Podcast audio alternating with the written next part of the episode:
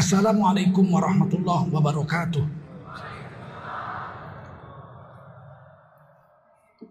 Hamdan wa syukran lillah. Wassalatan wa salaman ala rasulillah. Wa ala alihi wa sahbihi wa mawalah. Allahumma salli wa sallim ala hadha nabiyil karim. Sayyidina wa maulana Muhammadin. Wa ala أما بعد قال الله تعالى في كتابه العزيز أعوذ بالله من الشيطان الرجيم.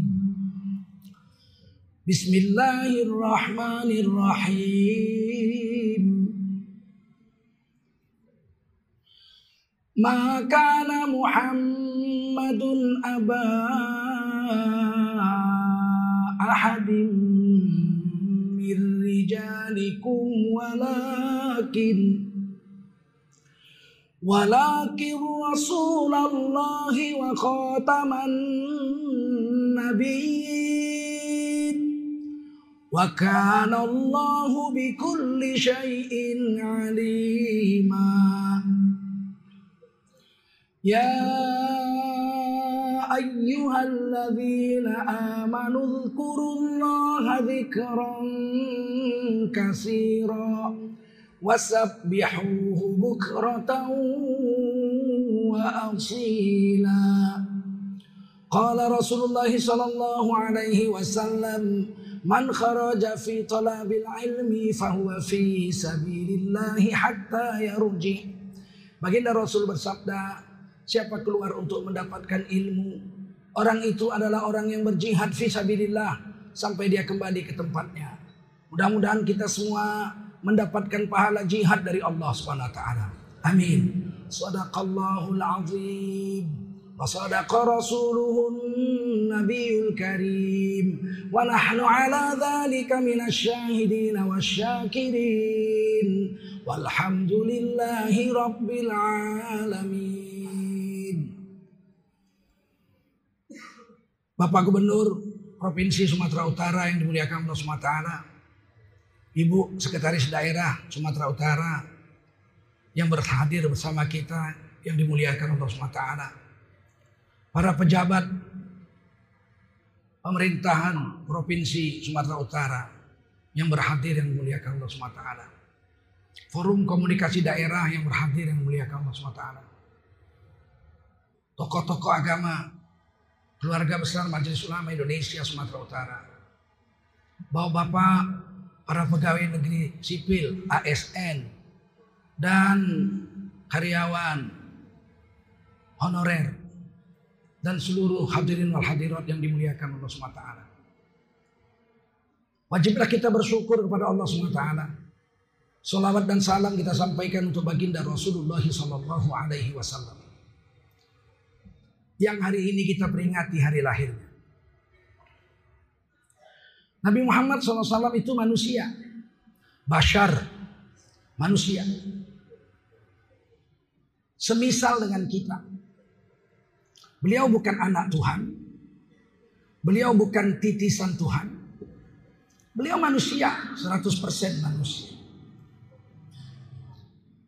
Dan itu diperintah Allah untuk Nabi sampaikan kepada seluruh manusia khususnya umat Nabi. Dalam Quran surah Al-Kahfi Allah perintahkan Nabi untuk bicara seperti itu. Qul innama ana basyarum mislukum. Katakan hai Nabi kepada semua manusia. Sesungguhnya aku ini baginda Rasulullah SAW. Basyarun mislukum. Manusia semisal dengan kamu. Jadi Nabi Muhammad itu manusia. Semisal kita tapi tidak serupa dengan kita. Di dalam Quran dikatakan manusia semisal dengan kita. Bukan manusia serupa dengan kita. Semisal tidak serupa. Ada seekor monyet main sur, main sirkus. Naik sepeda, sana sini, sana sini. Wah, orang semua tepuk tangan. Hebat monyet ini. Seperti manusia monyet ini naik sepeda. Bukan berarti kemudian monyet itu jadi manusia. Dia tetap monyet. Cuman dalam hal naik sepeda dia selihai manusia. Semisal dengan manusia, seperti manusia naik sepeda. Tapi dia tetap bukan manusia. Ada orang manjat rambutan. Dulu waktu kecil-kecil saya sering itu di kebun-kebun rambutan sini masih banyak nih daerah Gelugur ini kebun-kebun rambutan. Orang manjat rambutan mau turun lagi malas. Turun lagi naik lagi malas. Jadi dia bersihkan rambutan ini dia jatuhkan semua untuk pindah ke pohon rambutan berikutnya dia loncat aja dari dahan ke dahan tuh sap sap. Orang heran, wih. Kalau orang Jawa bilang, orang Jawa Delhi bilang, hebat ya, melembang, rono merini, koyok monyet, ah gitu. Hebat kali dia pindah dari sini ke sana seperti monyet. Tidaklah berarti tukang manjat rambutan itu jadi monyet. Betul? Dia tetap manusia juga, tapi dalam hal manjat pohon rambutan, dia seperti monyet. Loncat sana loncat sini nggak perlu turun lagi, naik lagi, turun lagi nggak perlu. Nah, seperti itulah kata Allah dalam Quran, "Qul innama ana basyarum mithlukum." Katakan hai Nabi Muhammad kepada semua umatmu dan seluruh manusia. Aku ini Nabi Muhammad manusia. Semisal dengan kamu. Tapi tidak serupa dengan kita. Kita dengan Rasulullah itu sama-sama manusia. Beliau punya bapak, kita punya bapak. Beliau punya ibu, kita punya ibu. Beliau sakit, kita sakit. Beliau sehat, kita sehat juga. Beliau makan, kita makan. Beliau minum, kita minum. Beliau berumah tangga, kita berumah tangga. Beliau beranak, kita beranak. Ah, beliau wafat, masuk kubur. Kita pun wafat, masuk kubur juga. Dalam hal itu, kita dengan beliau sama, sama manusia. Tapi dalam hal lain, para ulama menuliskan termasuk paman guru saya, Sayyid Muhammad Alawi di Mekah. Menulis sebuah kitab namanya Insan, Muhammad Insan Kamil. Nabi Muhammad manusia, tapi sempurna lebih dari 120 kelebihan Rasulullah dibanding dengan kita. Ada lebih 120 kelebihan Rasulullah dibanding dengan kita manusia biasa. Kelebihan pertama ditulis di Quran ayat yang saya baca tadi disambung. Qul innama ana basyarum mislukum yuha ilai. Kepadaku Nabi Muhammad diberi Allah wahyu. Itu beda pertama. Kita punya wahyu nggak? Jawab, kita punya wahyu nggak? Punya wahyu ningsih, wahyu din, wahyu si tompul, wahyu sembiring.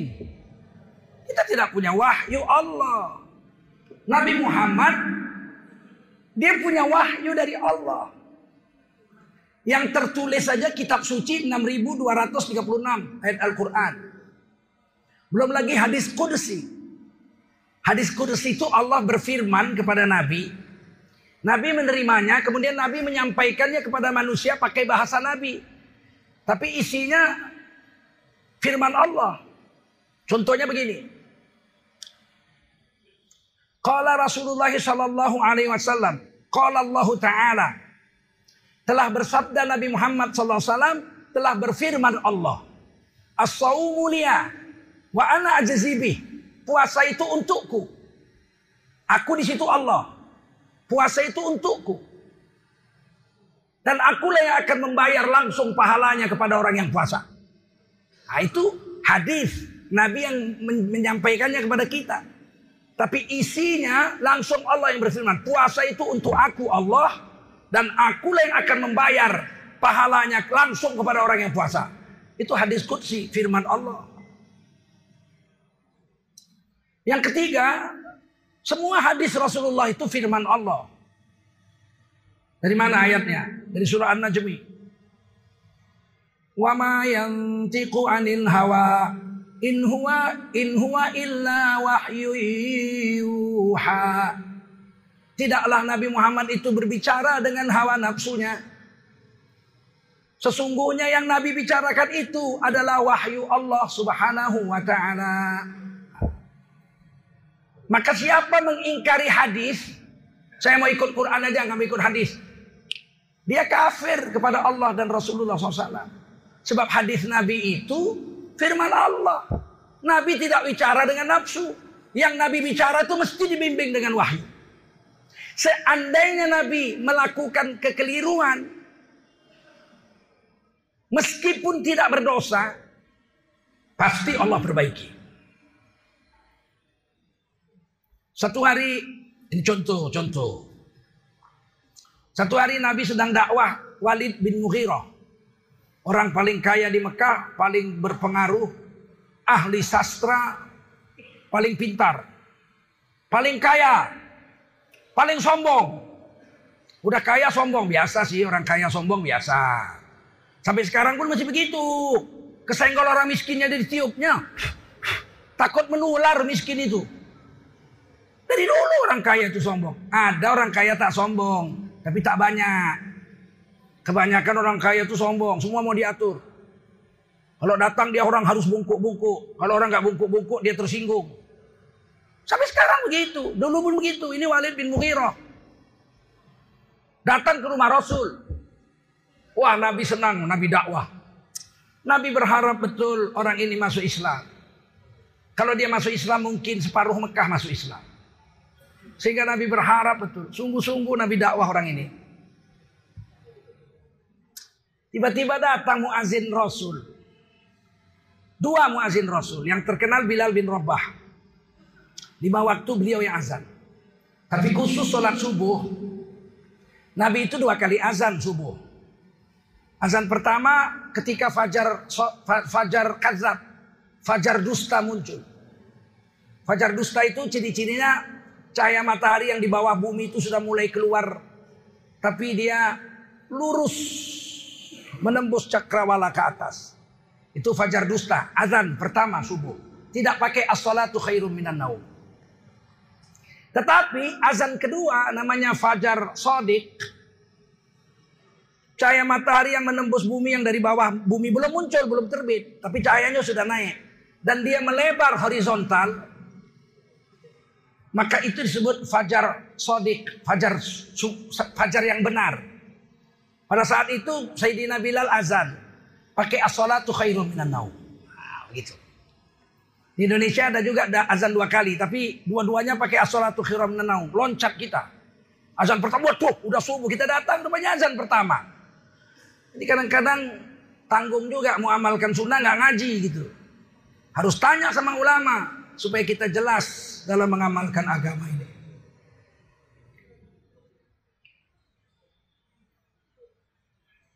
Datang muazin Nabi yang pertama yaitu Abdullah bin Umi Maktub. Beliau buta. Sudah buta miskin pula. Orang dulu air susah. Orang-orang Islam zaman itu mandi cuma Jumat saja. Hari Jumat saja dia mandi. Sunat mandi di pagi Jumat. Atau ketika dia sedang junub dia mandi. Abdullah bin Umi Maktub tidak punya istri. Beliau buta jalan sendiri. Maka dia datang ke rumah Rasulullah. Maka dia memberi salam. Assalamualaikum ya Rasulullah. Suaranya berat, keras. Suaranya keras. Karena beliau muazin. Sedangkan Nabi sedang menghadapi satu orang kaya yang sombong. Tiba-tiba datang orang miskin bajunya compang-camping mandi seminggu sekali nggak punya minyak wangi. Padahal Walid bin Mughirah ini kalau dia pergi keluar dari rumahnya dia mandi bersih-bersih dia pakai baju sutra. Dia mandi lagi asap kayu gaharu. Di jubahnya itu dikasih asap kayu gaharu sehingga dia jalan 4 meter sudah tercium harumnya. Nggak tanggung-tanggung ini orang. Begitu dia duduk, Nabi sedang dakwah, Abdullah bin Umi Maktum datang memberi salam. Rasulullah lihat. Rasulullah buang muka. Ah, kenapa datang sekarang? Ini pasti orang sombong ini akan pergi. Dia tidak akan mau duduk satu majelis dengan orang miskin yang bau pula. Pasti nggak mau. Maka Nabi buang muka. Nabi berharap hendaklah si Abdullah bin Umi Maktum radhiyallahu ini datangnya setelah orang kaya ini pergi. Begitu Nabi buang muka, Allah turunkan wahyu. Langsung saat itu juga. Tidak ada yang tahu kecuali Nabi. Walid nggak tahu, Abdullah nggak tahu. Abasa wa tawalla a'ma wa ma yudrika. Mas, masam wajahnya buang muka Nabi ketika datang orang buta kepadanya. Ditegur langsung. Seandainya Nabi menyembunyikan wahyu ini, tidak akan ada yang tahu bahwa Nabi ditegur Allah. Tapi Nabi sampaikan, Nabi tabligh. Nabi sifatnya wajib tabligh. Nabi sampaikan juga. Begitu ayat ini turun. Kalla, jangan begitu. Innaha tazkirah. Sesungguhnya ini peringatan. Liman sya'a Bagi kita semua orang Islam. Ini peringatan agar kita mau mengikuti peringatan jangan melakukan seperti ini. Kalau orang kaya datang terbungkuk-bungkuk, kalau pejabat datang terbungkuk-bungkuk, kalau orang miskin datang langsung naik ke tiaknya. Ada apa? Hmm? Perlu apa? Hmm? Sudah ada appointment mau jumpa saya. Huh? Oh, sombong betul dia orang. Kala, jangan begitu. Ini peringatan kejadian ini bagi siapa saja yang mau mendengarkan peringatan. Orang buta itu mungkin mau dapat petunjuk agama sungguh-sungguh. Orang kaya ini malah mungkin sebetulnya cuma main-main basa-basi aja untuk agama. Ditegur Allah langsung Nabi berdiri. Tidak ada yang tahu wahyu ini turun kecuali Nabi. Nabi berdiri, orang kaya itu ditinggalkan. Kemudian Nabi memeluk Abdullah bin Umi Maktum yang bau ini. Masya Allah. Mari silakan duduk. Karena kamu datang saya ditegur Allah subhanahu wa ta'ala. Dibisik Nabi di kuping. Duduk mari sini. Duduk bertiga. Langsung orang kaya ini berdiri. Hei. Tidak sudi saya duduk dengan orang miskin ini. Maka dia pun pergi. Dan tidak dapat hidayah. Sampai mati kafir terus. Berkata orang liberal. Seorang profesor dokter. Dia sudah mati. Tokoh liberal Indonesia. Menulis di satu media cetak. Nabi Muhammad bukan orang yang maksum. Memang di tesis doktornya pun di Chicago itu juga ditulisnya.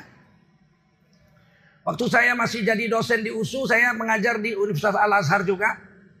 Fakultas Hukum Universitas Al-Azhar mewajibkan membaca tesis doktor, profesor doktor ini.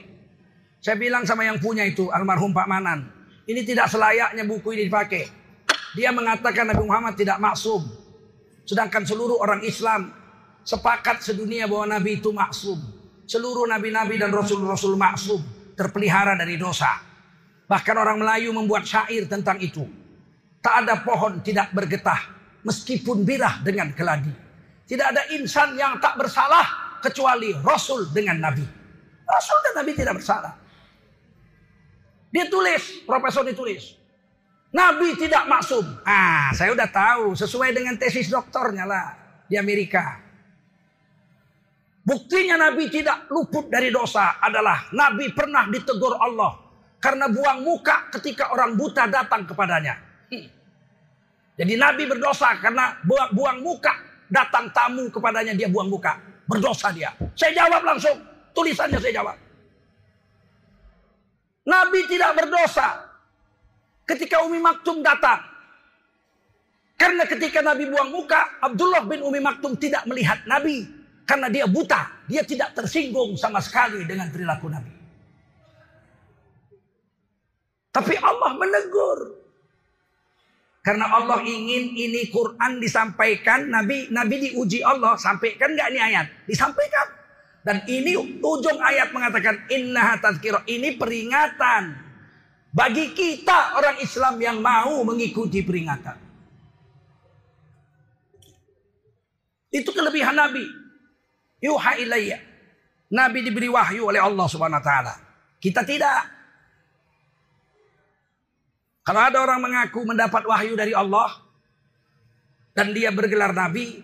Pastikan dia adalah Nabi palsu. Tidak ada lagi Nabi setelah Nabi Muhammad. La alladhi man la nabiya ba'dahu. Tidak ada nabi setelah Nabi Muhammad SAW. Di India 1,2 miliar penduduk di India sekitar hampir 300 jutanya orang Islam. Abad ke-20 tahun 1900-an pemerintah Inggris membiayai seorang ulama di sana untuk mengaku nabi. Namanya Mirza Ghulam Ahmad. Dan dia mengaku nabi. Dari 1,2 miliar penduduk India yang mengaku nabi cuma satu orang. Dia mengatakan Qurannya tetap Quran ini. Yang bahasa Arab ini.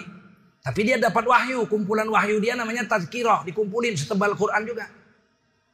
Dia bilang saya nabi terakhir setelah Nabi Muhammad. Datang ke Medan tahun 1931. Ketemu dengan kakek saya. Tengku Fakhruddin. Mufti Kerajaan Serdang. Berdebat tiga hari tiga malam. Akhirnya tidak bisa jawab dan terbukti dia kafir. Maka Tengku Fakhruddin membuat pengumuman sebuah poster besar. Tahun 1931. Ahmadiyah adalah kafir karena menganggap ada nabi lagi setelah Nabi Muhammad. Saya membaca posternya itu di pintu masjid dekat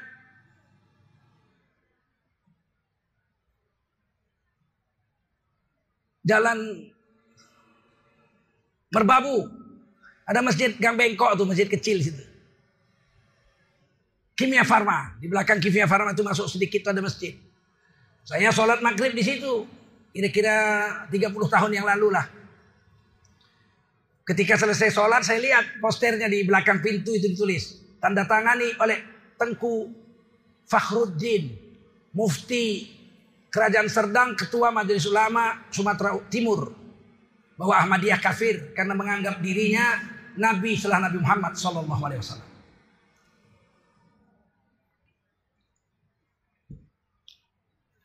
Akhirnya beliau diajak apa? Beliau seorang ulama besar India mengajak si Mirza Ghulam Ahmad ini bermubahalah. Dikumpulkan ribuan orang bikin panggung. Kalau kamu benar nabi, saya celaka kata ulama ini. Tapi kalau kamu nabi palsu, kamu celaka. Dengan kesaksian Al-Quran. Berani dia. Itu nekatnya orang-orang gila ini. Bersumpahlah dengan Quran. Kalau dia nabi palsu dia celaka. Kalau dia nabi asli yang celaka ulama India ini. Apa yang terjadi? Beberapa hari kemudian dia buang air besar. Dulu orang WC-nya nggak ada yang keramik. WC-nya semua lobang dikasih papan. Ditakdirkan Allah patah papannya. Tercampak dia masuk lobang itu. Inilah Nabi satu-satunya di dunia yang mati kecemplung tai.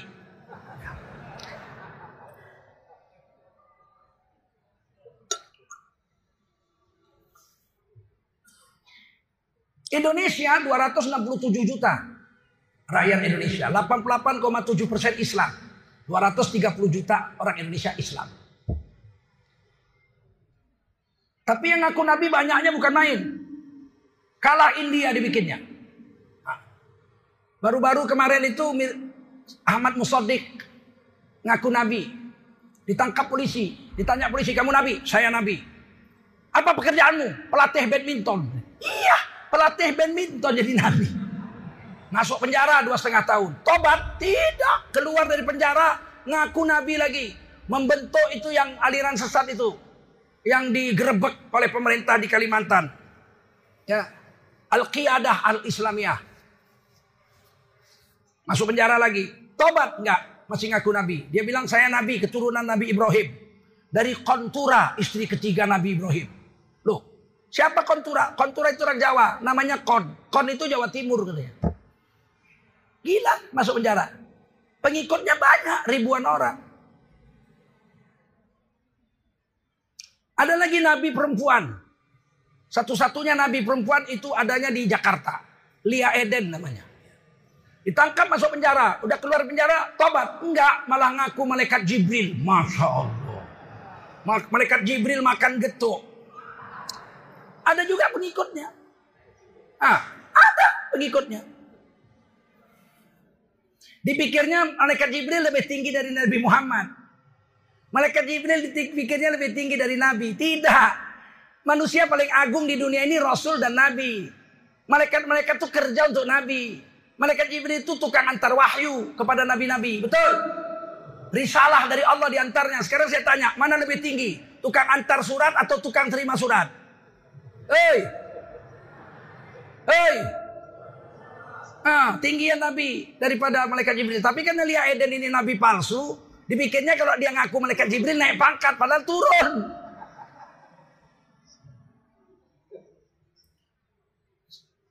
Tujuh tahun yang lalu ada nabi baru juga di Bandung. Namanya Cecep. Ditulis saja pakai huruf Arab nggak bisa. Macam mana nulis Cecep juga? Ada juga pengikutnya ditangkap polisi masuk penjara dua tahun. Tahun 90-an ketika Ki Haji Zainuddin FZ lagi populer. Di Jawa Barat muncul lagi nabi namanya Tukimin. Ada juga pengikutnya. Dimarhabankan aja nggak enak itu. Marhaban ya marhaban, marhaban ya marhaban, marhaban ya tukimin. Nggak enak itu.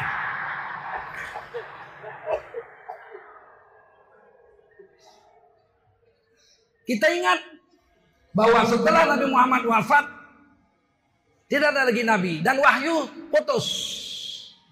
Siapa yang mengaku masih menerima wahyu mengaku nabi nabi palsu. Orang-orang Syiah mereka mengaku imam-imamnya itu sampai sekarang termasuk Imam Khomeini itu itu masih menerima wahyu. Pangkatnya imam. Bukan nabi, tapi imam. Tapi ingat dalam akidah Syiah dalam tafsir Quran Al-Huda, kitab tafsirnya orang Syiah, dengan terang-terangan mereka mengakui waja'alna lil muttaqina imama. Itu ayatnya. Tafsirnya lihat, lihatlah betapa tingginya pangkat imam. Sampai Nabi Ibrahim dan Nabi Ismail, dua rasul besar saja, masih berdoa kepada Allah, rindu dan kepingin jadi imam. Berarti pangkat imam adalah lebih tinggi dari Rasul. Sekelas Nabi Ibrahim dan Nabi Ismail. Inilah sesatnya Syiah.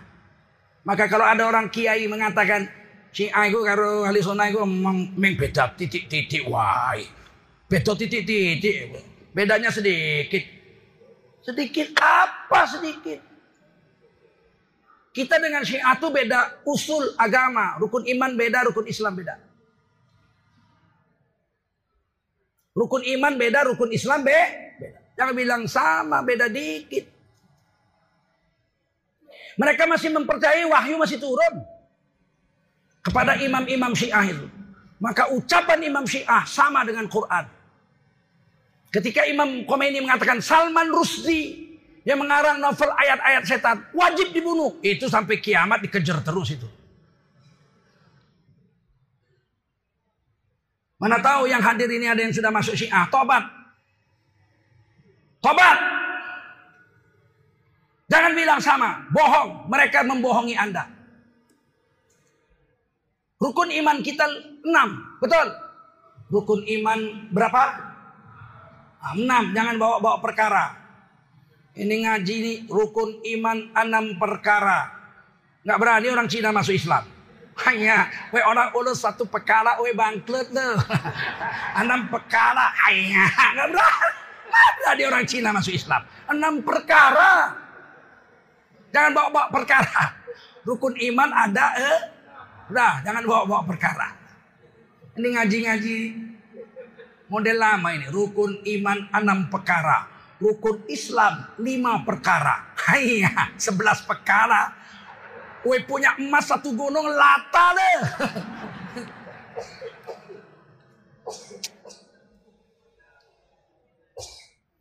Rukun iman kita al imanu huwa an tu'mina billahi wa malaikatihi wa kutubihi wa rusulihi wa bil yaumil akhiri wa bil qadari khairihi wa syarrihi. 6.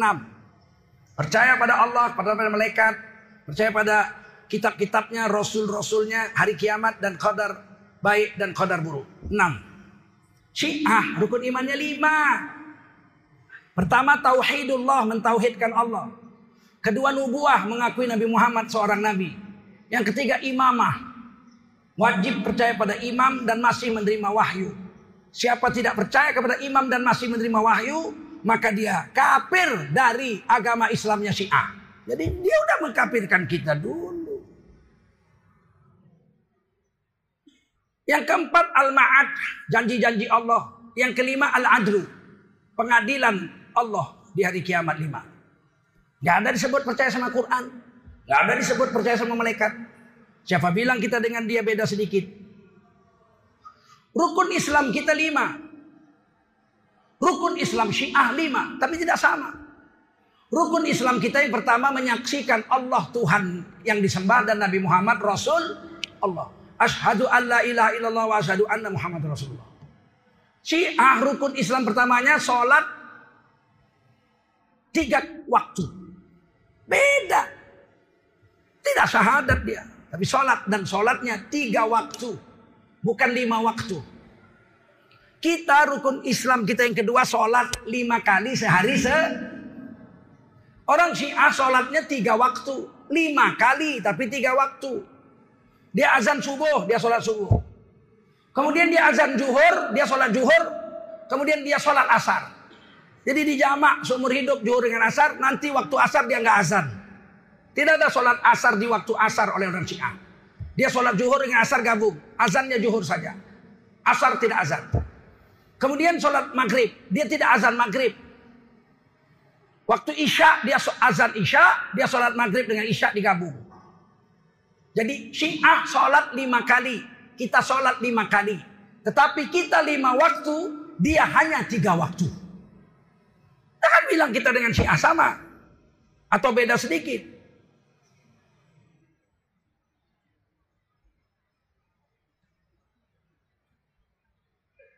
Rukun Islam kita yang kedua sholat, dia rukun Islam yang pertama. Rukun Islam yang kedua, dia membayar zakat. Kita rukun Islam yang ketiga bayar zakat. Zakat kita dua setengah persen, seperempat puluh dari harta kita, setahun sekali haulnya, dan jumlah minimalnya itu 82 gram emas. Jadi kalau bapak-bapak menyimpan uang senilai ibu-ibu menjual menyimpan uang setahun senilai 50 jutaan kalau sekarang Disimpan setahun tidak diambil-ambil. Apakah nyimpan emas, apakah nyimpan permata, apakah apa saja yang bisa diduitkan harta. 50 juta nilainya atau duit. Atau perak, pokoknya segitu. Setahun tidak dijual-jual, tidak diambil-ambil. Karena ada sumber makan yang lain. Maka dalam Islam Anda orang kaya. Wajib dizakati 2,5 persen. Tahun depan tinggal 80 gram. Tidak wajib zakat. Anda tidak dihitung orang kaya. Orang kaya itu punya simpenan 50 juta kaya dalam Islam. Kalau dalam ekonomi punya simpenan 10 miliar pun masih ngaku miskin. Itu bedanya Islam dengan ekonomi tipu-tipu ini. Ini ekonomi barat ini disebut ekonomi bubble, bubble economic, ekonomi tipu-tipu. Kayaknya besar gelembung, tapi gelembungnya gelembung bubble, gelembung sabun, ditusuk jarum pecah. Islam ekonominya real economic. Ekonomi real. Yang ada itu ya itu. Nggak ada nggak boleh. Nggak boleh transaksi ekonomi tanpa kenyataan real. Makanya bursa efek itu dalam Islam haram. Namanya aja efek. Efek itu bahasa Inggris. Diambil dari bahasa Arab. Ifkun. Artinya tipu-tipu. Ifkun itu tipu. Dusta. Bursa efek, bursa dusta. Wah saham saya naik dari 7 ribu jadi 9 ribu. 9 ribu 10 ribu. Gak ada duitnya itu. Tiba-tiba jatuh. Puk jadi 1000. Bangkrut. Itu bursa efek. Bursa dusta. Bubble economic. Ekonomi tipu-tipu. Syiah. Zakatnya itu 20 persen. Bukan 2,5 persen. Dan kita wajib membayar zakat kepada asnaf yang delapan. Fakir, miskin, ha, horim, orang yang berutang karena Allah, budak yang mau membebaskan diri dan sebagainya ada delapan. Syiah tidak. Hartanya itu 20% di zakatnya, 20% zakatnya. Dan wajib dibayar kepada marjik-marjiknya saja, guru-gurunya saja, marjak-marjaknya saja. Makanya ulama Syiah kaya-kaya karena semua zakat umatnya untuk dia. Saya itu ditawari masuk Syiah tahun 96. Ketika saya di luar negeri ngaji. Di Saudi Arabia. Kalau Bapak mau masuk Syiah, saya diundang ketemu Menteri Agamanya, Jafar Al-Hadi dikasih surat rekomendasi untuk ngambil S3 di Qom. Kota sucinya orang Syiah, Qom. Pulang dapat dokter dikasih duit 3 miliar. Waktu itu dolar masih seribu. Kalau sekarang berapa itu berarti? 14 kali 3. Lumayan juga ya, 72. Ya, berapa itu? 14 kali 3. Hah? Ah. 42 atau berapa itu? Miliar. Kalau sekarang. Waktu itu saya bilang, wah boleh tuh kalau duit segitu saya bisa bikin pesantren di Jawa. Oh nggak boleh, harus buat pesantren di Sumatera. Karena di Jawa sudah ada Sayyid Jalaluddin Rahmat. Baru saya tahu Jalaluddin Rahmat itu Syiah. Walaupun di sini dia belum mengaku Syiah. Zaman Pak Harto siapa yang berani? Asal jumpa demi Allah. Wallahi saya bukan Syiah. Kenyataannya Menteri Agama Syiah mengakui dia Syiah. Pendusta, takiyah, pendusta. Yang ketiga, kita itu syahadat, sholat, zakat. Yang keempat kita puasa. Dia yang ketiga puasa. Di bulan Ramadan. Kita minal fajri summa atim musiyama ila lail. Kita puasa itu dari fajar azan subuh sampai beduk maghrib azan maghrib ilal laili surah al-baqarah Syiah tidak ada azan maghrib. Nggak azan maghrib, nggak azan dia. Dia azannya isya. Makanya mereka kalau buka puasa, udah maghrib dia masih ngobrol-ngobrol di halaman masjid itu makanan sudah tersedia dia ngobrol-ngobrol. Begitu azan isya baru dia makan. Allah malaka subtu. Jangan bilang sama kita dengan Syiah. Kita ilal laili, mereka hatta laila. Kita menyentuh bibir malam sudah buka, dia mewajib sudah malam baru buka. Jangan bilang sama. Yang kelima kita naik haji bagi yang mampu. Mereka yang keempat naik haji. Haji mereka ada beda-beda dengan kita. Kita boleh pakai payung. Ketika pakaian ihram pakai payung boleh. Tapi nggak boleh pakai topi. Ala roksi lengket ke kepala nggak boleh. Tapi kalau fauqa roksi di atasnya berpayung, kita boleh, dia tidak. Batal. Batal hajinya, nggak sah. Kalau dia pakai payung. Makanya haji-haji Iran, naik bus, itu busnya dipangkas, nggak ada atapnya itu. Merah-merah kalau musim panas itu macam kepiting rebus. Mereka putih-putih. Merah. Berjemur dua hari dua malam. Cuman kalau naik haji, naik kapal terbang, tak berani juga dia mapas. Ke, kalau dipapas juga, bagus juga itu ya. Yang kelima, kita haji. Bagi yang mampu dia yang kelima, wilayah.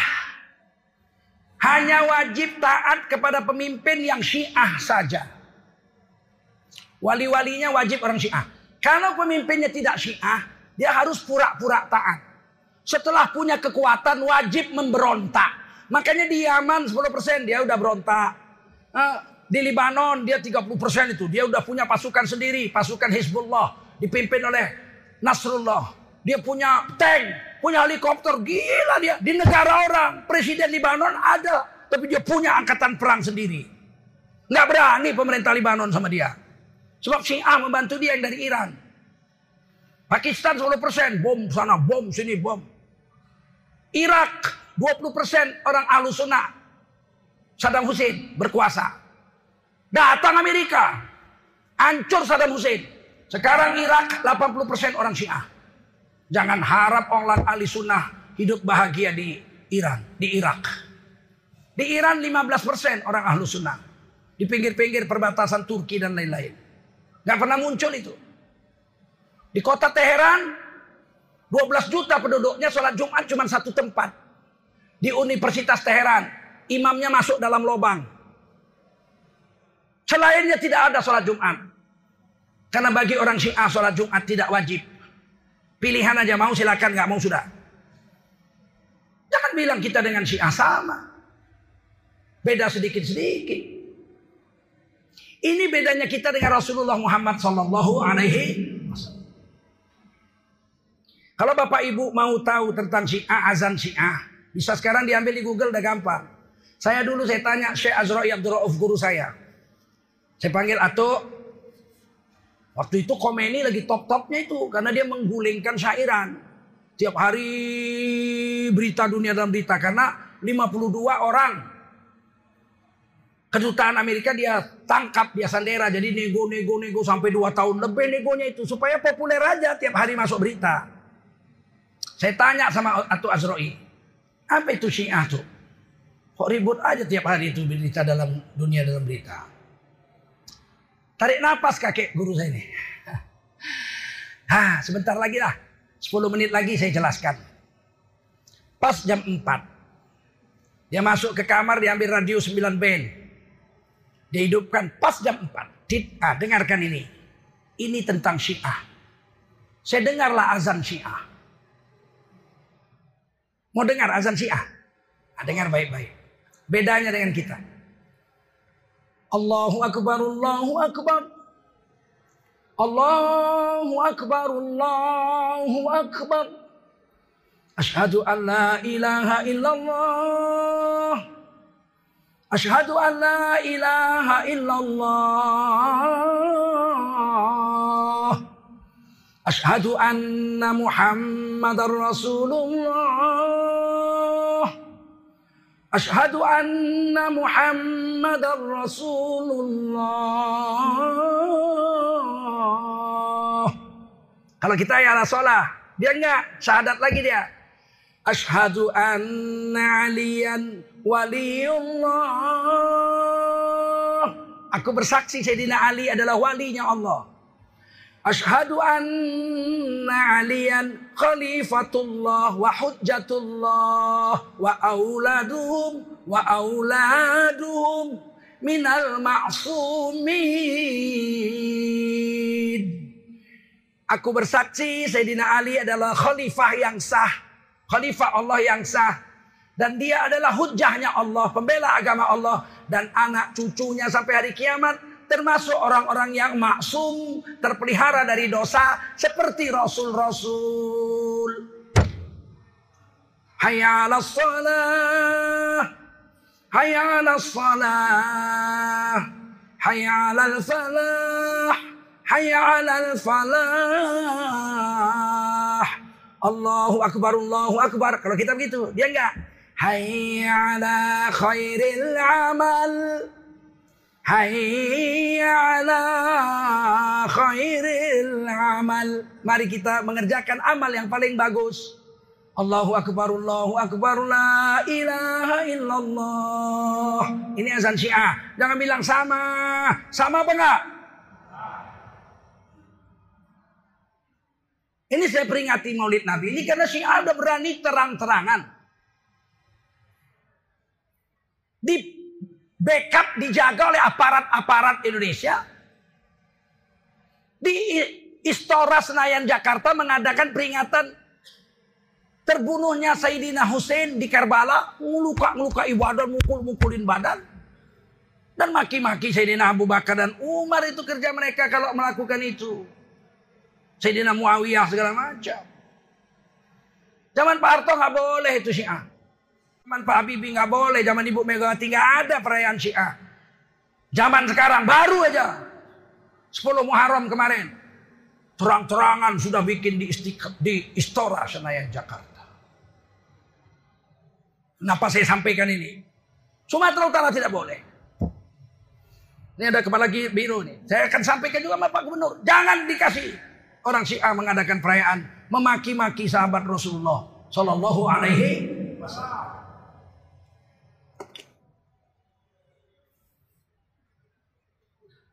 Kan ini Pancasila Undang Dasar 45 Pak. Semua orang kan boleh hidup. Boleh tapi jangan bawa-bawa Islam. Ahmadiyah boleh hidup di Indonesia. Tapi jangan bilang Islam. Karena Islam nggak ada Nabi setelah Nabi Muhammad. Silakan aja bikin agama Ahmadiyah. Kita akan katakan lakum dinukum waliyadi. Agama Syiah. Kita akan katakan lakum dinukum waliyadi. Jangan bilang Islam. Islam tapi nabinya lain. Islam tapi imamnya masih terima wahyu. Islam tapi imam-imamnya masih maksum seperti Rasul. Ini jangan begitu bawa-bawa kerusakan pada Islam. Paham? Paham? Nah, sekarang kita ngaji tentang bagaimana Rasulullah SAW. Lebih 120 kelebihan Rasul dibanding kita. Hebatnya Nabi itu setiap gerak Nabi itu kalau kita ikut kita dapat pahala 10. Mana ada orang lain seperti itu. Laqad kana lakum fi Rasulillahi uswatun hasanah. Sungguh telah ada pada diri Rasul Allah itu uswatun hasanah untuk kamu. Uswatun itu uswah itu contoh. Hasanah itu baik. Tapi nggak cukup. Nggak cukup hasanah itu diartikan baik. nggak cukup. Itulah bahasa. Saya itu dosen linguistik 30 tahun. Pensiunan pegawai negeri, dosen linguistik. Mengajarkan bahasa. Dalam bahasa Inggris. Bahasa pengantar yang saya pakai di kelas itu bahasa Inggris. Tapi ilmu yang saya ajarkan ilmu linguistik, ilmu bahasa. Tidak bisa bahasa itu diwakili oleh bahasa lain secara 100% itu nggak bisa. Mirip-mirip lah. Bahasa Jawanya aja, bahasa Jawa aja nggak bisa sama dengan bahasa Indonesia. Misalnya apa? Mbleketek. Coba, apa artinya mbleketek coba? Hah. Raimu mbleketek. Macam mana coba ngartikan wajahmu mbleketek itu coba? Aku iki wingin geblak. Apa geblak? Ada bahasa Indonesia yang geblak. Susah mengartikannya. Sama dengan hasanah. Kalau hasanah diartikan baik. Sungguh telah ada contoh yang baik pada diri Rasul untukmu hai orang Islam. Baik. nggak cukup mengartikan hasanah. Kata Quran surah Al-An'am. Tentang hasanah. Man jaa bil hasanati falahu asyru amsalha. Siapa datang dengan perbuatan sat, perbuatan baik, ya, manja abil hasanati, siapa datang dengan perbuatan hasanah, yaitu yang dia contoh dari Nabi karena Nabi itu hasanah. Dia dapat 10 pahala lebih besar 10 kali lipat dari hasanah yang dibuatnya. Jadi siapa buat satu hasanah, Allah bayar 10 pahala. Jadi kalau begitu hasanah itu adalah perbuatan baik yang setiap satu gerak dibayar 10 pahala oleh Allah Subhanahu taala. Kenapa dibayar 10 pahala? Karena hasanah itu dicontoh dari baginda Rasulullah sallallahu alaihi wasallam. Wal hasanatu bi asyri amsalihah. Satu hasanah dibayar 10 pahala. Makanya masuk WC itu bisa dapat 9 hasanah 90 pahala. Masuk WC tutup kepala. Jangan biarkan kepalamu terbuka di WC. Karena WC itu tempat setan berzina. Masuk dalam WC doanya Allahumma inni a'udzubika minal khubsi wal khaba'is. Ya Allah aku berlindung kepadamu dari setan jantan, setan betina. Makanya Masjidil Haram 35 hektar mampu menampung 10 juta orang. Gak ada WC di situ. Semua WC di luar masjid. Masjid Agung, WC-nya di luar sana. Karena ini masjid rumah Allah, WC tempat setan berzina. Maka kata Nabi kalau masuk WC tutup kepala. Satu hasanah, sepuluh pahala. Langkahkan kaki kiri. Satu hasanah, sudah 20 pahala. Baca doa Allahumma inni a'udzubika minal khubthi wal khaba'is. Tiga hasanah dibayar 30 pahala. Buang air kecil jongkok. Empat hasanah dibayar 40 pahala. Istibro waktu buang air kecil. Berdehem-dehem. Istibro. Lima hasanah dibayar 50 pahala. Istinja. Habis buang air kecil cebok dengan air. Dia dapat 6 hasanah dibayar 60 pahala. Tutup aurat dalam WC. Agar keluar WC aurat kita tidak dilihat orang. 7 hasanah 70 pahala. Langkahkan kaki kanan keluar WC. Maka dia dapat 8 hasanah dibayar 80 pahala. Setelah keluar WC dia baca doa. Alhamdulillahilladzi adhaba anil adha. Selama di WC dia dapat 9 hasanah. 90 pahala. Kalau satu hari 10 kali masuk WC. Dia dapat 900 pahala sehari. Kalau 60 tahun, kata Allah di akhirat, ikra kitabak, baca catatan amalmu. Kita baca, masuk WC, masuk WC, masuk WC, 900 pahala, masuk WC, 900 pahala, masuk WC, masuk WC, 60 tahun. Jangan-jangan kita masuk surga karena masuk WC. Laqad kana lakum fi Rasulillahi uswatun hasanah. Sungguh telah ada pada diri Rasulullah itu contoh hasanah. Jika kau ikut satu saja, Allah bayar sepuluh pahala kepadamu. Begitu mengartikan ayat itu.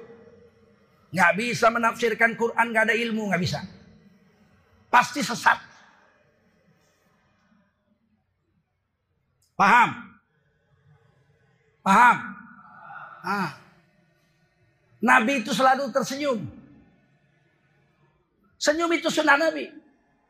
Dan senyum itu dihitung sodakoh. Kata Nabi dalam hadis Muslim la tahqiranna minal ma'rufi syai'an. Walau antalqa akhaka biwajhin talqin. Jangan kau anggap remeh. Jangan anggap enteng. Dengan satu perbuatan amal soleh Walau hanya memberikan sebuah senyuman kepada sahabatmu. Senyum itu pahala paling kecil. Sepuluh pahala. Kalau satu hari seribu kali senyum.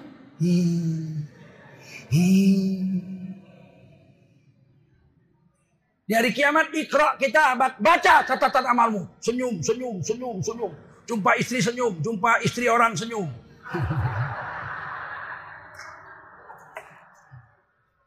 Dimarahi Bu Sekda, senyum. Dipindahkan Pak Gubernur ke Nias, senyum. Di sini sakit, tapi di akhirat masuk surga. Jangan marah. Sialan ini, udah 15 tahun aku tugas di Medan dipindahkan ke Nias, cebok babi aku di sana. Nggak dapat pahala apa-apa dia. Senyum. Coba kalau kita amalkan semua sunnah Nabi dalam kehidupan kita. Makan ikut sunnah Nabi. Berapa banyak sudah Nabi dalam makan. Kulu mimma fil ardi halalan thayyiba. Udah tiga itu. Makanlah yang ada di bumi ini. Jangan mimpi mau makan yang dari planet Mars, planet Jupiter, dari bumi yang lain. Makan yang ada di bumi ini saja. Apa berarti ada bumi lain? Saya tanya lu, kira-kira ada nggak bumi lain seperti bumi kita ini di langit sana? Menurut bapak-bapak ibu-ibu ada nggak? Nggak ada. Quran bilang ada.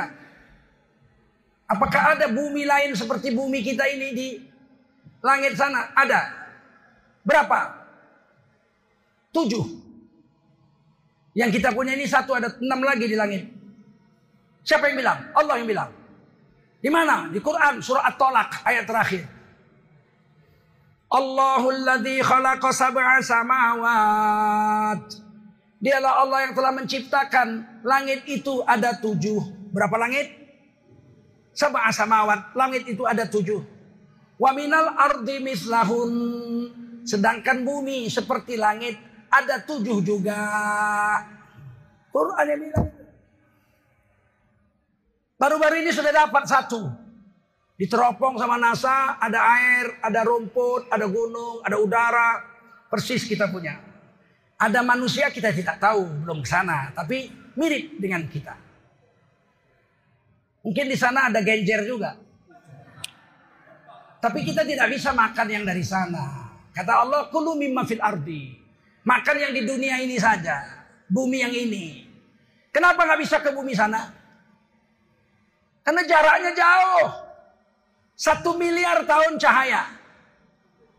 Kalau kita punya pesawat kecepatan cahaya 300 ribu kilometer per detik. Macam Star Trek itu. Digasnya cit, merah buntut itu. Langsung ditekannya tombol. Hilang dari pandangan mata. 300 ribu kilometer per detik. Masih perlu satu miliar tahun baru sampai ke sana. Apalagi naik kapal terbang dangah-dangah Saya tanya ada yang umurnya satu miliar tahun? Ada? Hei, ada? 60 tahun aja udah campur stroke. Apakah ada orang yang kepingin pindah dari sini? Ada. Mau pindah dari dunia ini ada? Ada. Siapa? Kawan saya, Rintu Harahap. Anak SMA 1 itu. Abangnya Erwin SMA 4, saya SMA 4. Saya dengan Agung Laksono SMA 4. Tengku Eri itu SMA 4. Bawahan saya lagi itu. Tengku Eri itu masih keponaan saya. Bapaknya Tengku Nurdin sepupu saya.